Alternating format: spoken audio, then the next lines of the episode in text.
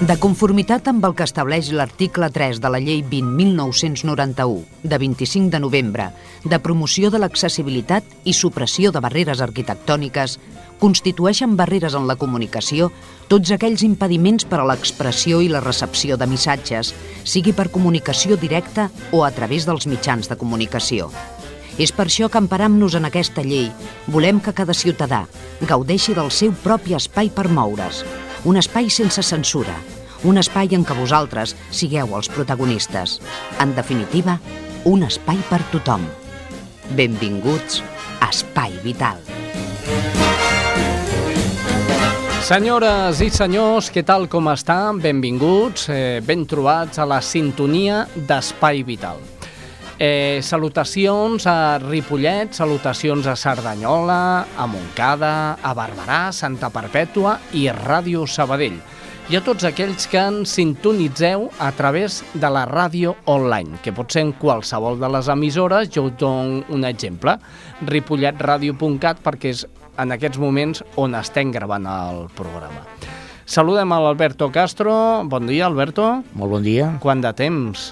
És que he viatjat molt, Xavi. Ai, a veure si el que ens portarà avui tindrà alguna cosa a veure amb viatjar. Ho té, ho té. Segurament. El Jordi Puy, el nostre tècnic, i un servidor qui els parla, el Xavi Casas, que compartirà amb vosaltres un programa de 60 minuts. Bueno, 50, Jordi, 50. Eh, 50 minuts que comencen amb 3, 2 o 1.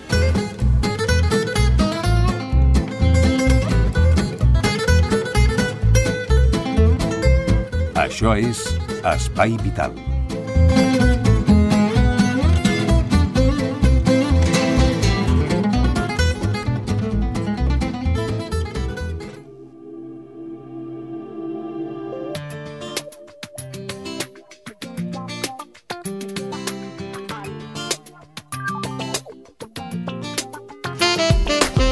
La setmana del 5 de febrer ha començat Eurocòndor, un assaig clínic d'àmbit europeu liderat des de Vall d'Hebron Institut de Recerca, que vol avaluar un tractament nou i pioner per la retinopatia diabètica. Aquest assaig, multicèntric i promogut pel Consorci Europeu per al tractament precoç de la retinopatia diabètica, determinarà l'efectivitat terapèutica d'un coliri per poder-lo mm, administrar a les etapes inicials d'aquesta malaltia. Per parlar d'aquest tema tenim a l'altre costat de la línia telefònica el doctor Rafael Simó, director del grup de recerca de diabetis i metabolisme del Vall d'Hebron Institut de Recerca. Doctor Simó, bon dia. Bon dia. Eh, com va això? Bueno, bé, bé, de moment bé. Molt bé. Expliqui, expliqui'm una miqueta el Eurocondor. Bueno, ho ha explicat vostè molt bé. De, de la gent que m'ha entrevistat segurament és el que ho ha resumit més, més adientment, perquè ja ho ha dit, és un tractament que es basa en, un tracta, en tractar estadios molt inicials de la malaltia, que fins ara les armes terapèutiques de les quals disposem Uh, no n'hi han, de fet, perquè s'indiquen en, en, en estadius molt avançats, ja quan, quan, quan hi ha una, una afectació important de la retina i el rendiment no és gaire important. En salut ja se sap que quan abans actues a tractant o prevenint la malaltia, el rendiment i l'efectivitat és molt més gran i el que es pot estalviar també. Aleshores, en aquest sentit, eh, la nostra idea és provar eh, un tractament que va a, a tractar els, els estadios molt incipients i està basat en que la mort de les neurones de la retina tenen un paper molt rellevant en, el, en la patogènia, és a dir, en, la, en, la, en els mecanismes que desencadenen aquesta, aquesta malaltia. Això és un concepte nou, i, i de fet, eh, aquest plantejament innovador pues, ha fet que la Comunitat Europea confiés en nosaltres per desenvolupar aquest assaig clínic. El projecte consta d'una part clínica i una part d'investigació més, més bàsica per veure els mecanismes d'acció d'aquest coliri, eh, i la segona novetat és precisament això, el fet de que el tractament serà per via tòpica, que és molt poc agressiu, eh, no és injectar dintre del, de l'ull res, sinó no són gotes, com les que ens posem quan tenim una conjuntivitis, mm -hmm. però que aquestes, aquest coliri penetra dintre de l'ull i arriba a la retina i, i fa els efectes d'aquests neuroprotectors, que al final el que pretenem és demostrar que aquests efectes neuroprotectors arribaran a previndre l'evolució de la malaltia. Per molts d'aquells que ens puguin estar escoltant en aquests moments, doctor, què és una retinopatia?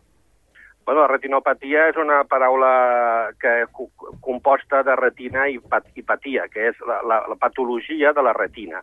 És a dir, retinopatia vol dir que tens la retina que no funciona bé.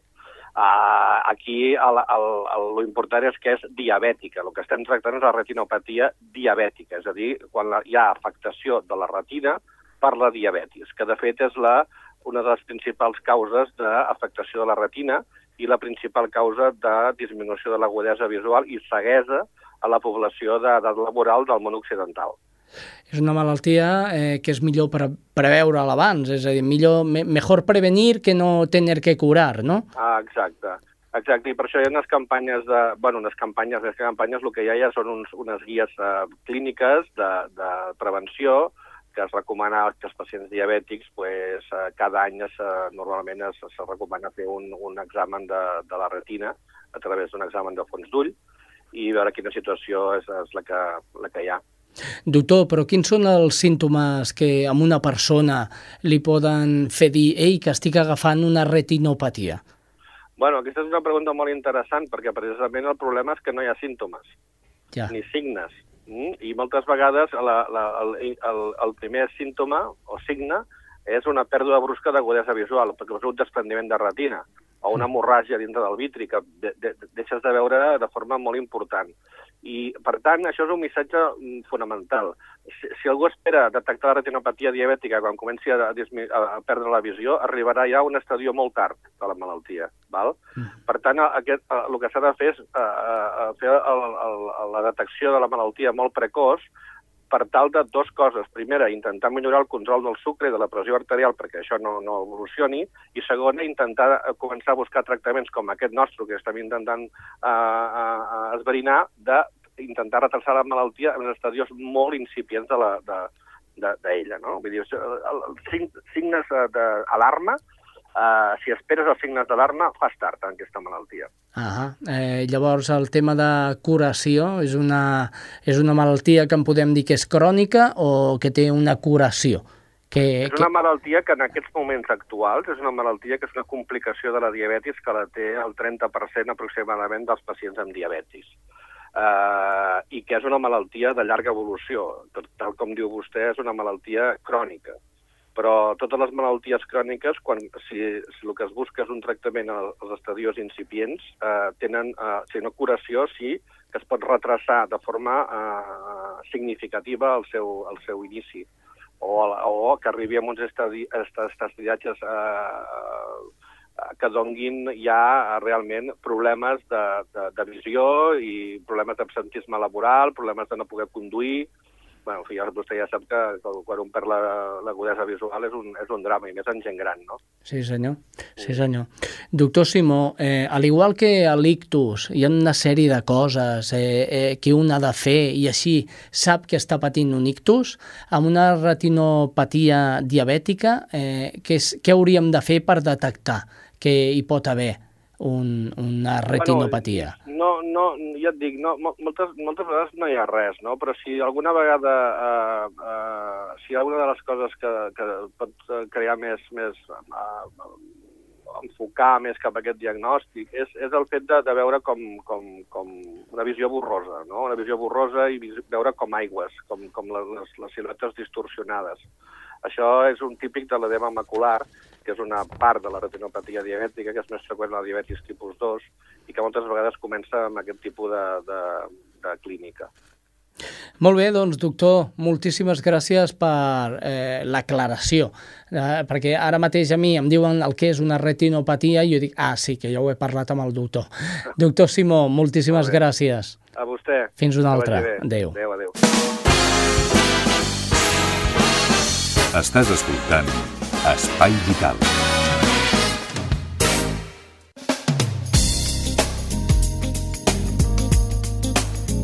Bueno, està clar, ja has vist tu, no? La retinopatia eh, diabètica. No, no, és impressionant. És foto. Retinopatia, quin nom. Retinopatia diabètica. Ja ho sabeu, la gent que té sucre i la retina doncs, no li funciona molt bé, doncs el coliri. El coliri aquest que, que han trobat els investigadors i que acabem d'escoltar. Aquest coliri, eh, quan valdrà això a les farmàcies? Doncs no ho sé, però si arriba a les farmàcies, que jo desitjo que sí, el preu, fill meu, depèn. Ja, ja. Entenc? No, no, és que tal com estan les coses... És que parlar de farmàcies és perillós, ara. Sí, perquè sí, tot està molt car i a part vas a una farmàcia i no trobes aquell medicament que tu vols i dius, no pot ser tota la vida. Jo he dit, eh, dame una aspirina i jo tenia una aspirina. Ara vas allà, li dius, dame unes... I dice, no, no, No, ja no. aspirina, no, eh, aspiroitos. Mm. Es diu aspiroitos. No, dintre de poc, saps la gent aquesta que va amb les neveres per les nits venent cervesa per les festes i que doncs trobarem un senyor amb una bosa eh, tengo gelocatil, tengo gelocatil, ostres, passa'm dos caixes, entens això? Ja ens ho trobarem, ja. Molt bé, eh, Alberto, va, de què parlem? Doncs eh, avui dintre del món del gadget, Gadgeto Alberto. més que d'un gadget par parlarem d'una aplicació que és molt, molt, molt coneguda. Jo penso que gairebé tothom que té internet o que, o que té un smartphone eh, doncs coneix, que és el Google Maps. Ah. Google és una macroempresa, el famós buscador, que dintre de les moltes aplicacions que té, té una que és el Google Maps. De manera que tu li poses una adreça eh, d'un país i te la localitza, te l'assenyala, eh, fins i tot et diu com arribar-hi, et dona una foto via satèl·lit, una meravella. Fins ara, Google, Google Maps, eh, havia treballat en el que eren ciutats i pobles, carreteres, i, i, però des de fora sempre, no? En aquest cas, Google està incorporant eh, aquest sistema, però de dintre d'edificis. Què vol dir això? Vol dir que si ara podem utilitzar el nostre mòbil perquè ens porti del punt A al punt B, és a dir, de Ripollet, Cerdanyola, Barberà, Montcada o Sabadell fins a Castelldefels, per dir alguna cosa, perquè té platja, dic jo, eh? doncs eh, de la mateixa manera que, que el mòbil ens indica com arribar-hi, al dintre d'un edifici podrem fer el mateix. És a dir, imagina't que estàs al, al Museu del Prado o a la Sagrada Família o, o un edifici important i tu des del teu mòbil li dius eh, vull anar a, al, doncs, al claustre o vull anar a la sala B de Velázquez o jo què sé. Aleshores, el mòbil que té el planell de l'edifici et porta com si fos un GPS per al- per a l'espai. Això que ja està aprovat als Estats Units funciona molt bé, de moment funciona molt bé eh, a nivell de planell i visualment, però ja s'està treballant per introduir un comandament de veu i precisar una mica més la geoposició perquè pugui ser també utilitzat per persones invidents. De manera que eh, tu pots tenir connectat eh, en el teu mòbil aquesta aplicació, en aquest edifici que ja té el mapa incorporat, i pots manegar-te per dintre de l'edifici i el, el TomTom, aquest, eh, perdona, aquest navegador, t'aniria orientant per on has d'anar. Òbviament, no pot eh, esbrinar obstacles, Ja. Eh, mm, òbviament no pot esbrinar gent, grups de gent que estiguin per allà, però sí que és important eh, tenir una localització i orientació global que pot permetre doncs, l'orientar-te per un edifici. No? I tota aquesta tecnologia que de moment sembla com a anecdòtica i pot utilitzada, doncs eh, s'està aplicant també a altres eh, ajuda tècnica, a altres dispositius, com per exemple un bastó que t'orienta, té un GPS el bastó i et va indicant eh, a nivell de, de llums i d'impulsos elèctrics cap on has d'anar. És a dir, no cal que vagis escoltant, el bastó ja et va orientar a on hi ha, eh, a l'espai on tu vols anar. No? És a dir, s'està cada vegada més aplicant aquesta tecnologia, s'està abaratint cada, ve, cada vegada més aquesta tecnologia, per exemple, el, el Google Maps és una aplicació gratuïta, Mm -hmm. per tant, eh, vull dir, dintre de molt bon temps, molt poc temps, eh, serà habitual que una persona amb alguna discapacitat pugui utilitzar aquest tipus de recursos per moure's eh, en certa llibertat per, eh, per tot arreu. Suposo que eh, gadgets efectius com aquest per, per discapacitat visual no n'hi ha. És que és el que, el, que, el que diem. Vull dir, la tecnologia cada cop va avançant més i cada cop les persones amb discapacitat, sobretot en aquest cas, penso jo que la visual, ho tenen cada cop millor. Mm. Per descomptat. per exemple, els llibres electrònics, mm -hmm. el, els e-books Sí. famosos, eh, que semblen una, un, un element eh, una mica snob, no? Però una persona amb una discapacitat visual que fins ara havia d'utilitzar la lupa per poder llegir, sí. amb aquests llibres ja ho té resolt perquè pot ampliar tant com vulgui el tamany de la lletra Ah, i el anava, contrast. anava a dir un cec no veu, eh? No, però Eh, eh, Pèrdua de, de visió, sí, però, Clar. però en el cas de hi ha, molt, ceguesa... molta, hi ha moltíssima gent que té mm, discapacitats, eh, eh, malaurada o afortunadament, no tot és o tot o res. Vull dir, Ja.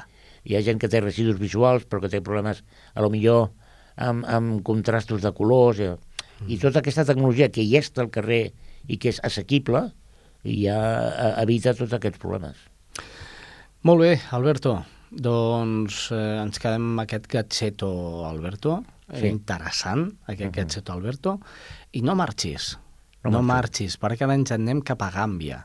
És una entrevista d'Estrella Núñez a Ràdio Santa Perpètua i és més de solidaritat que no pas de sanitat. Però si l'escolteu veureu que tot eh, està unit.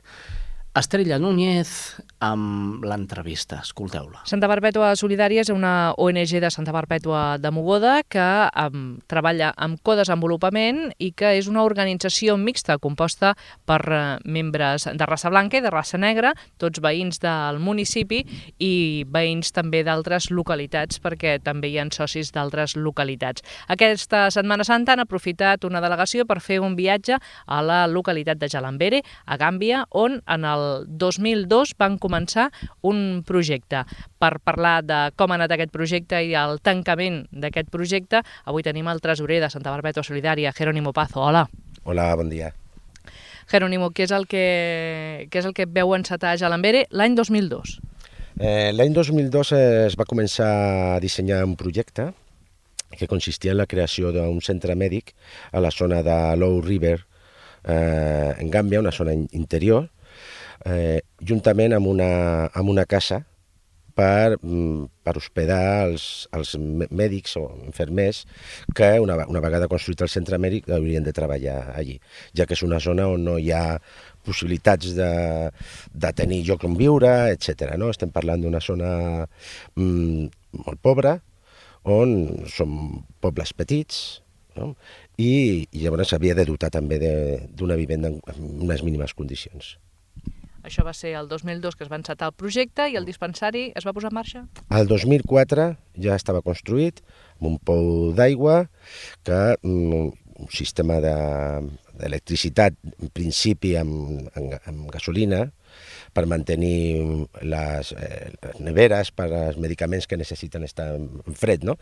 I posteriorment, el 2007, es va iniciar un altre projecte també dintre de, de Jalambere, que era dotar-lo d'autonomia energètica mitjançant unes plaques solars amb un generador que estalviava molts costos, no? perquè el que representa el, el gasoil pues, és car en aquestes zones i ja dic, el 2007 es va ampliar amb aquesta autonomia energètica que, que està funcionant fins ara perfectament. I durant aquests anys l'ONG de quina manera ha anat contribuint en aquest projecte? Sí, el, el, el 2006 eh, es signa un conveni eh, amb, amb el Ministeri de Salut i d'Afers Socials de Gàmbia, en el qual eh, Santa Perpètua Solidària es comprometia a, durant cinc anys, eh, enviar medicaments o diners per comprar medicaments a, les, a la farmaciola del, del propi govern i el poble es comprometia a fer el manteniment del centre i eh, cobrant unes, les medicines i les visites amb unes quantitats que estan fixades en la iniciativa de Bamako per a, per a Àfrica, és a dir, un cost molt petit, perquè aquests diners revertien en el manteniment del propi, del propi centre.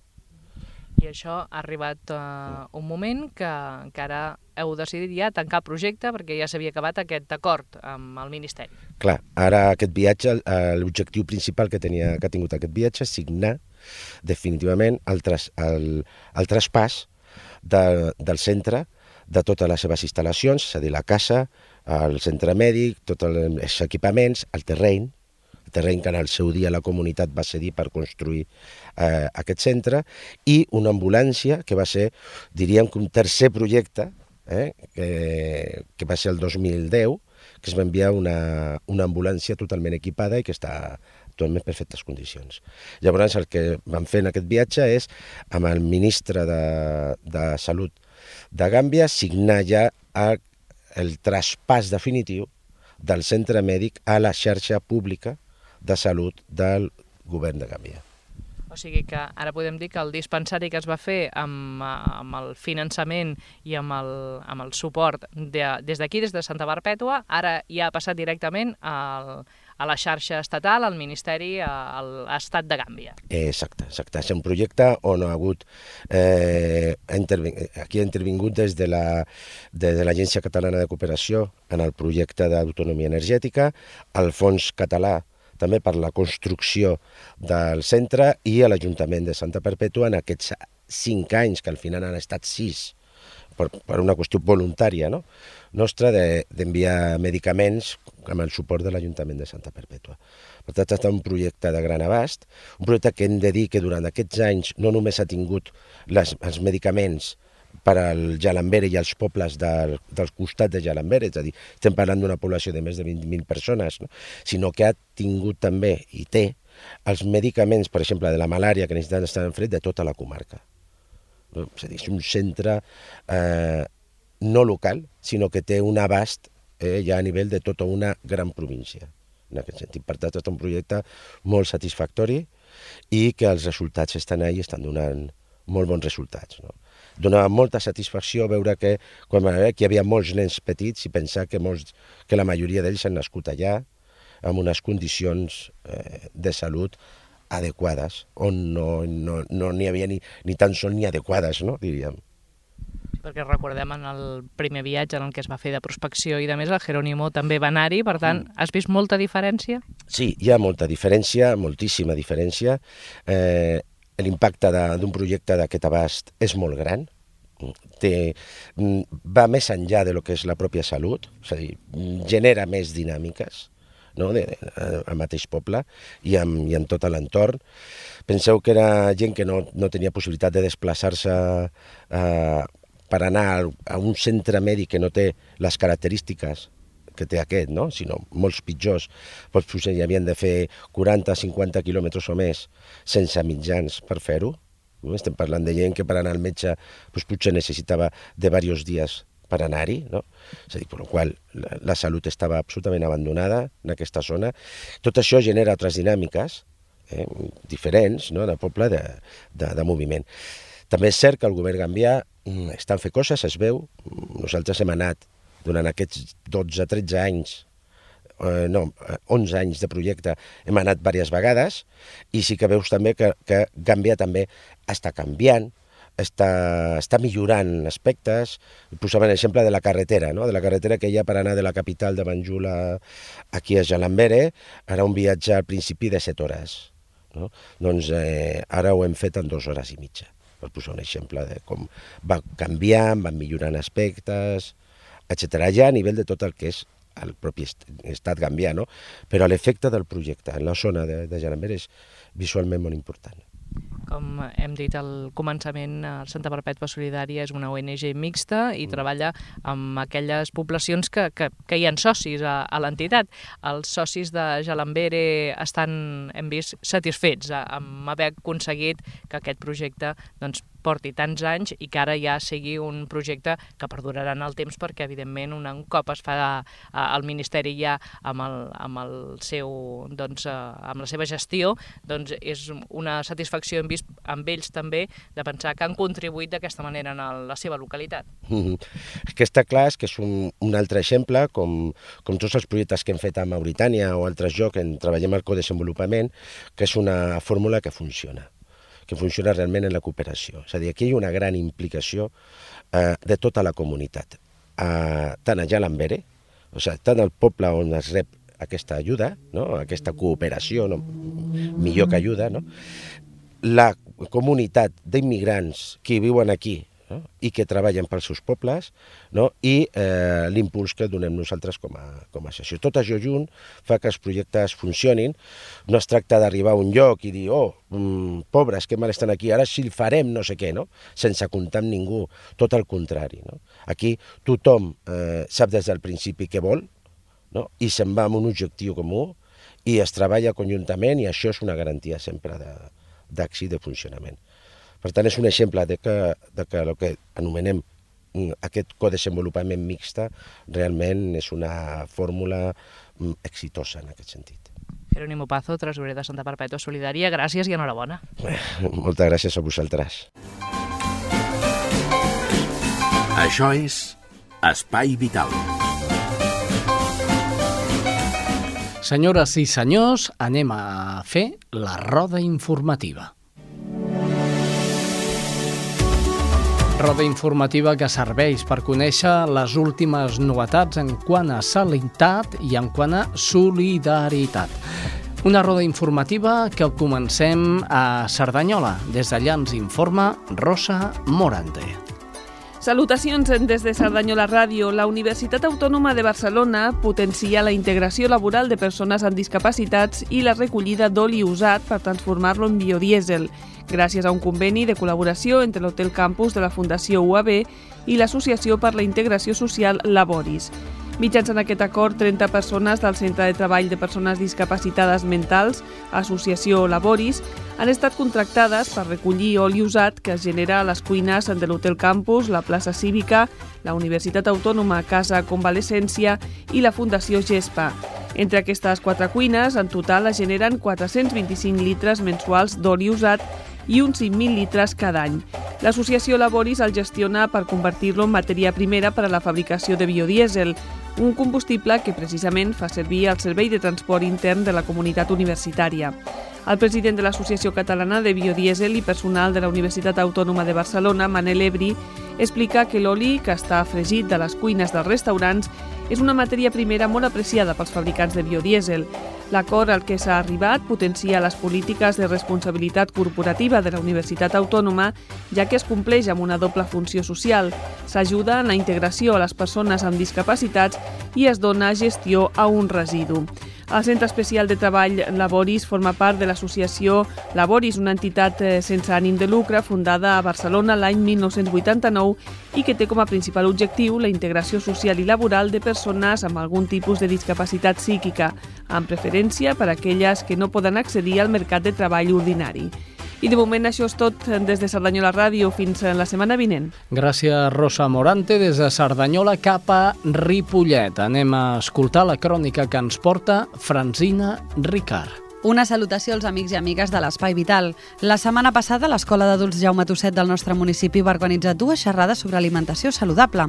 Tamara Navarro, tècnica del Departament de Salut Pública, va ser l'encarregada de dirigir aquestes activitats que estan incloses en la guia d'activitats educatives que recullen una sèrie d'activitats organitzades per diferents departaments de l'Ajuntament i a la que es poden adherir tots els centres educatius de Ripollet. D'altra banda, la mateixa setmana, el Centre de Formació de Persones Adultes també va realitzar una xerrada sobre com fer bon ús dels nostres diners a càrrec de la Fundació Fundació Triodos Bank. I això és tot des de Ripollet. Bona tarda. Gràcies, Francina Rica. Ari de Ripollet ens n'anem cap a Barberà. Des de Barberà ens informa Judit González. Salutacions de Ràdio Barberà.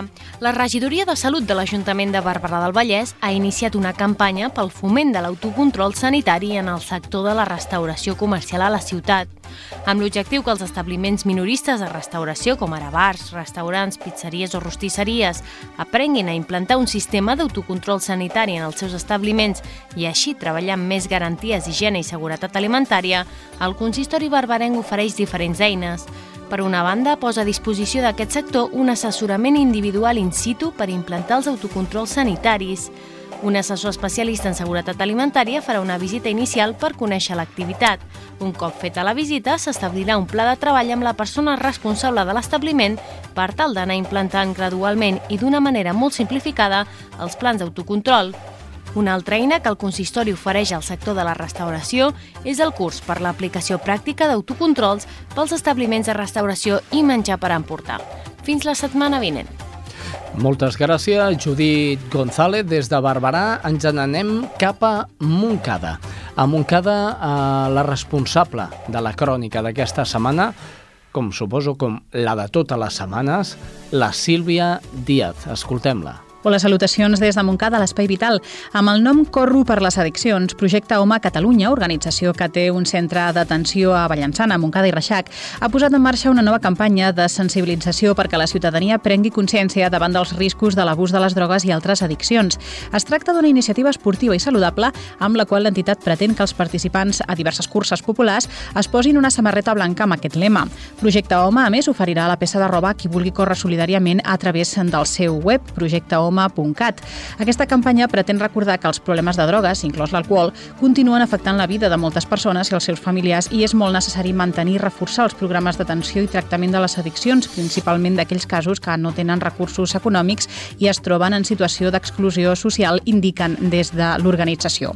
Durant el 2012, la Fundació va atendre en els seus centres més de 1.300 casos de persones que van abusar o patien una drogodependència i va desenvolupar accions preventives a centres educatius a més de 5 5.000 alumnes de secundària, pares i professorat.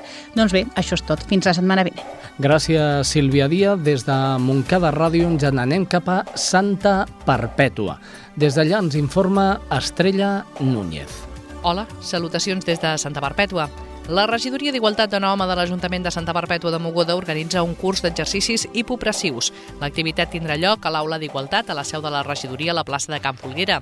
Els exercicis hipopressius ajuden a la recuperació del part, a prevenir i corregir la incontinència urinària, proporcionen una correcta protecció lumbopèlvica i augmenten el to i la força muscular abdominal, entre d'altres. El curs serà els dimarts i dijous de dos quarts de 10 a 11 del matí.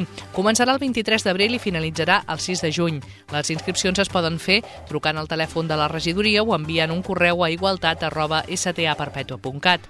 D'altra banda, la regidoria d'Igualtat organitza també un curs de microgimnàstica, tots els divendres de 10 del matí a dos quarts de 12 des del 3 de maig fins al 21 de juny.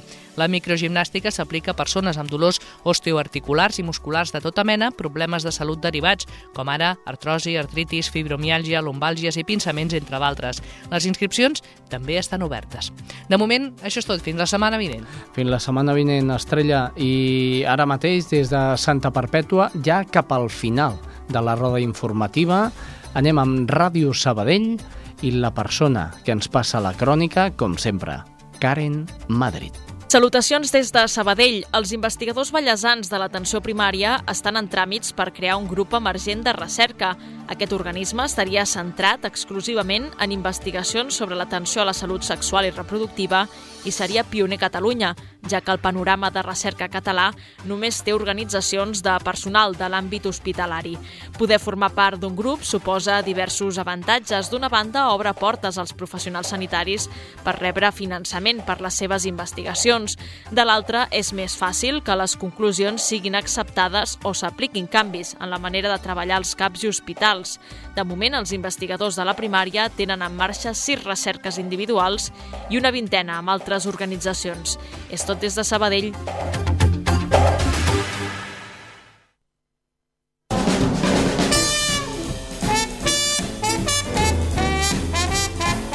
Estàs escoltant Espai Vital. I des del Vallès Occidental estigueu on estigueu. Ens podeu seguir per les emissores de Ripollet, Cerdanyola, Montcada, Barberà, Santa Perpètua i Sabadell.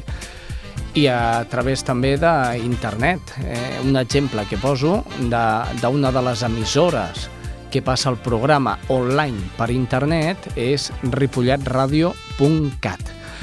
Molt bé, mm, com Ripollet, Cerdanyola també, mm, Montcada, Barberà, etc etc etc. Roberto, què tal? Que, de què em volies parlar? Home, jo, jo una mica eh, volia parlar de, de mi llibre. Oh, oh, oh. no, no he fet cap llibre encara, mm. tot i que m'encantaria, és un dels reptes... L'estàs preparant o no?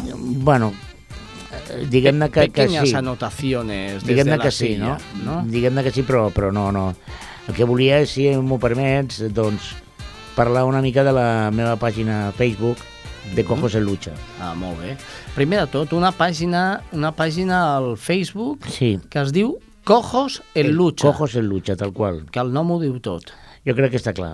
Quina és la finalitat d'aquesta plana? Mira, saps què passa? Que eh, eh, arriba un moment quan ja tens una edat, vale? que ja no tens el cos per lluitar pel carrer i per manifestar-te eh, cada setmana ni encadenar-te no sé on, que mm. això ja ho vaig fer quan era jove, però no pots evitar que les coses t'emprenyin, t'emprenyen molt, allò que veus, petites coses o grans coses, no? I, I jo crec que les noves tecnologies i les xarxes socials et permeten dir allò i protestar immediatament d'allò que has vist o d'allò que sents. Aleshores, Cojos en Lucha va néixer una mica arrel d'una... Mm, del que jo vaig trobar una cosa molt més lletja que la il·legalitat, mm -hmm. i és una, una, un establiment eh, que pertany a una, a una xarxa de... és a dir, una franquícia, perdó, de cafeteries, molt afamada, va fer reformes. Mm -hmm. Va fer reformes, i tot i que la llei no l'obliga a fer accessible local perquè no va haver-hi un canvi d'activitat, home, eh, tant la, la franquícia com a local es podien haver permès el luxe de treure un esglaó que hi ha a l'entrada. Uh -huh. I no el van treure.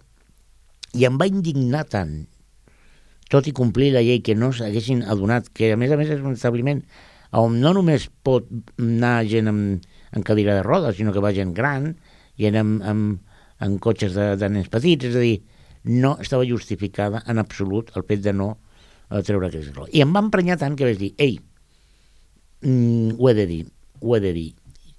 I aleshores vaig veure que hi havia molta més gent com jo arreu del món mm -hmm. que també pensava el mateix, no? Mm -hmm. que protestava, que deia coses. I aleshores vaig dir, home, doncs, sense cap mena d'ambició i molt humilment, vaig crear una, un, una pàgina en el Facebook que es diu Cojos en Lucha, on tracto de donar la meva opinió i mm, compartir, retuitear, fer totes aquelles coses que penso que són interessants.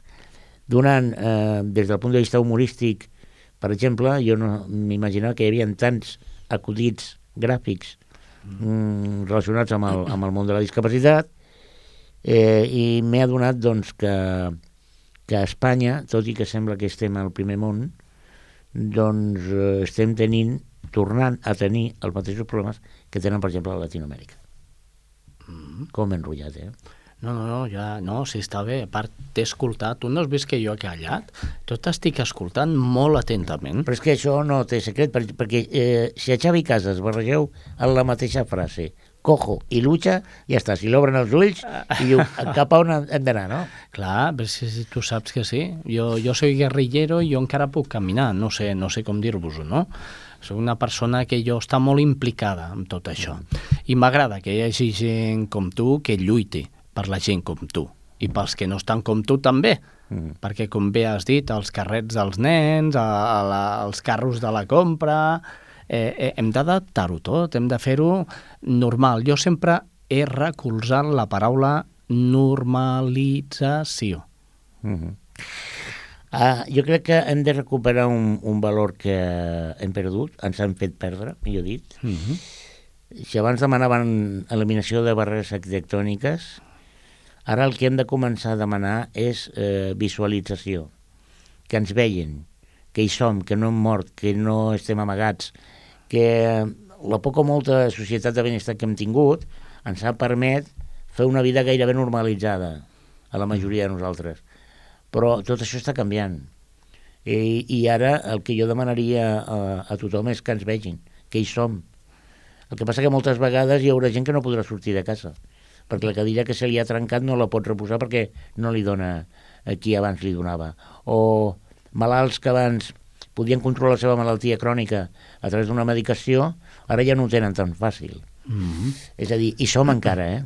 Sí, encara sí. hi som. És a dir, aquell noi, aquella noia, aquell avi que vostè veia amb un caminador passejar per al jardí, no ha mort, i és.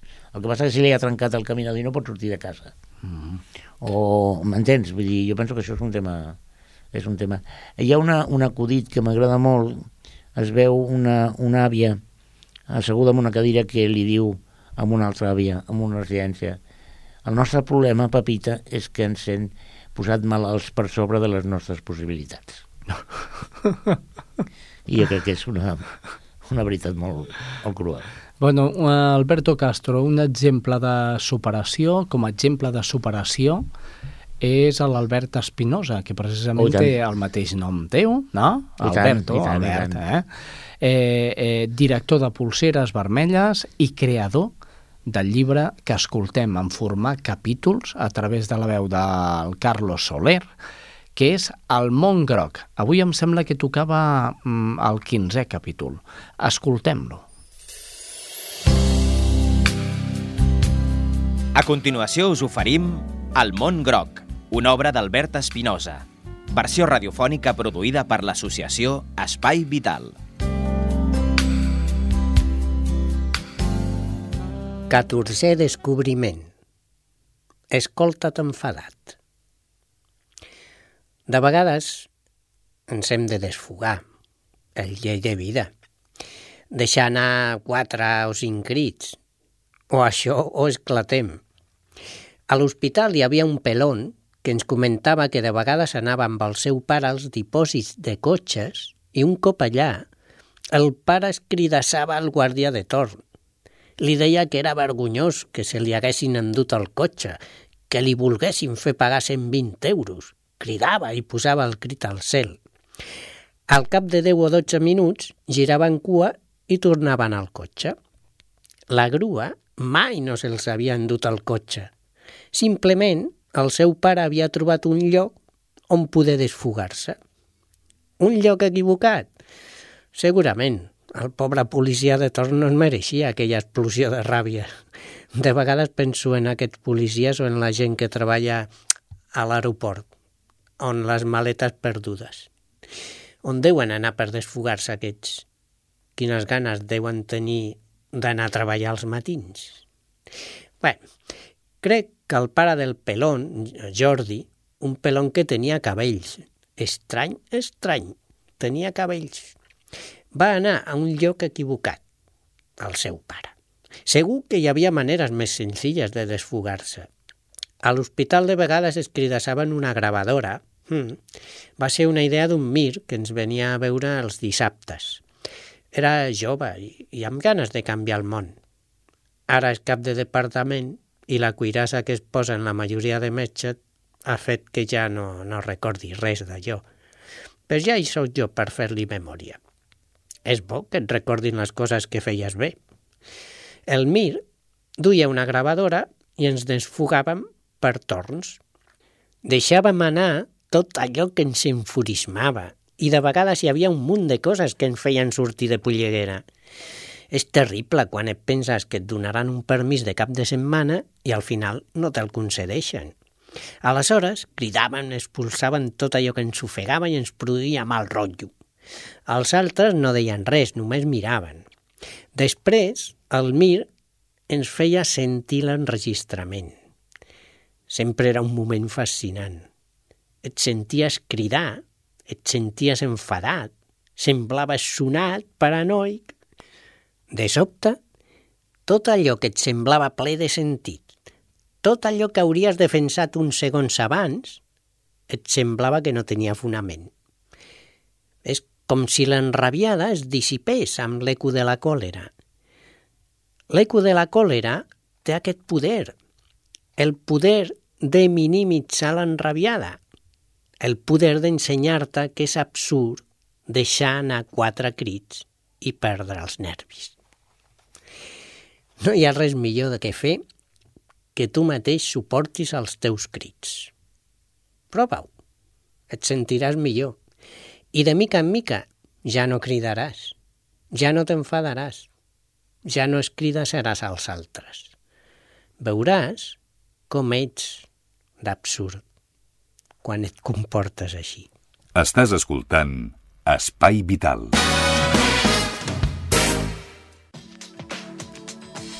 Albert, no notes les passilogulletes de l'estómac que t'estan dient... Mm, Una mica sí, una mica sí, eh? Tinc gana, no? Pues jo també. Anem a escoltar la recepta adaptada de Conxita Naudi.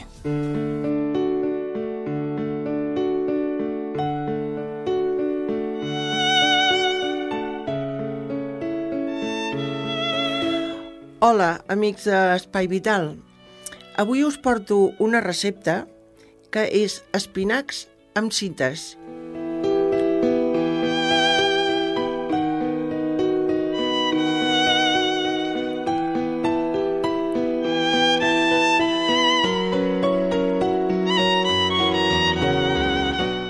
Els ingredients per fer aquesta recepta seran 300 grams de cintes, 400 grams d'espinacs, 250 grams de nata, una ceba, dos alls, una cullerada de farina, una de mantega i 300 mil·lilitres de llet, 150 grams de formatge ratllat a mental, sal, pebre, oli d'oliva i una nou moscada.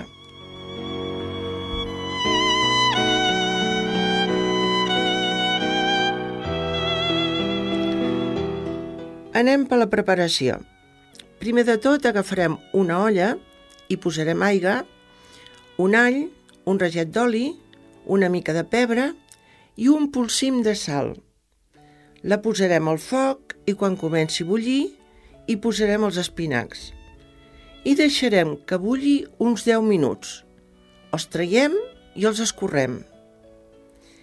Fet això, posarem una paella al foc i desfarem la mantega. I hi fregirem la ceba tallada fina fins que quedi duradeta. Afegirem l'all picadet i després una culleradeta de farina, la llet i la nata i tot remenat molt a poc a poc fins que bulli. Hi posarem una miqueta de pebre i la nou moscada.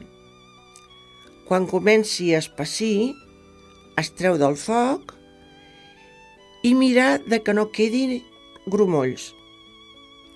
Amb, amb aquesta beixamel barrejarem els espinacs que hem fet i les cintes que ja estaran bullides al dente i escorregudes. Es posa amb una safata i es serveix ben calent.